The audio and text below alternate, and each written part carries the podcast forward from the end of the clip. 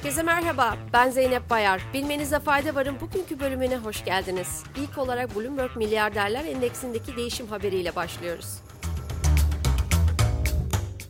2022 yılında küresel piyasalarda sıkı para politikalarının etkisiyle fırtına yaşanırken milyarderlerin servetleri de eridi. En büyük kaybı 133,3 milyar dolarlık düşüşle Tesla, SpaceX ve Twitter'ın CEO'su Elon Musk yaşadı.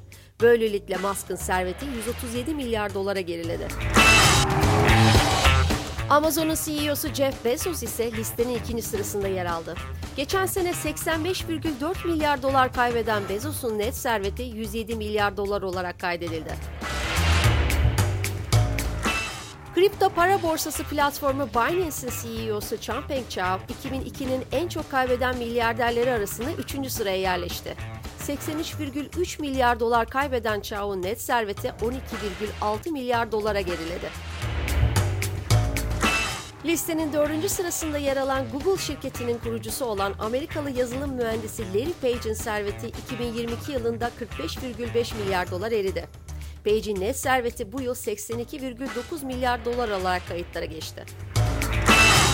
Larry Page ile birlikte Google'ı kuran Amerikalı yazılım mühendisi Sergey Brin'in serveti 2022 yılında 44,2 milyar dolar geriledi. Böylelikle Brin 49,4 milyar dolarlık net servetiyle geçen yılın en çok kaybeden milyarderler arasında 5. sırada yer aldı.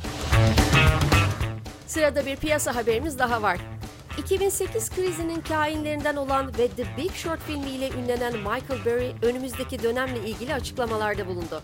Twitter'dan yaptığı açıklamada ABD'nin resesyonda olduğunu belirten Burry, ABD'de enflasyonun zirveyi gördüğünü ancak bunun enflasyon döngüsünün sona erdiği anlamına gelmediğini vurguladı.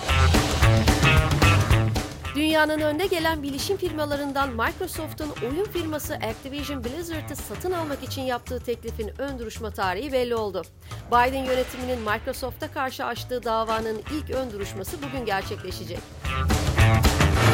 Konu hakkında kısaca bir hatırlatma yapmamız gerekirse, Call of Duty yapımcısı Activision Blizzard'ı devralmak için 69 milyar dolarlık teklif gerçekleştirmişti. Federal Ticaret Komisyonu sonrasında söz konusu işlemin engellenmesi için harekete geçmişti. İngiltere'de sağlık sisteminde yaşanan kaos giderek artıyor. İngiltere'de Royal College of Emergency Medicine Başkanı Dr. Adrian Boyle yaptığı açıklamada acil servislerdeki bekleme sürelerinin haftada 300 ila 500 ölüme neden olduğunu öne sürdü. Bilmenizde fayda varın bugünkü bölümünün sonuna geldik. Yarın tekrar görüşmek üzere. Hoşçakalın.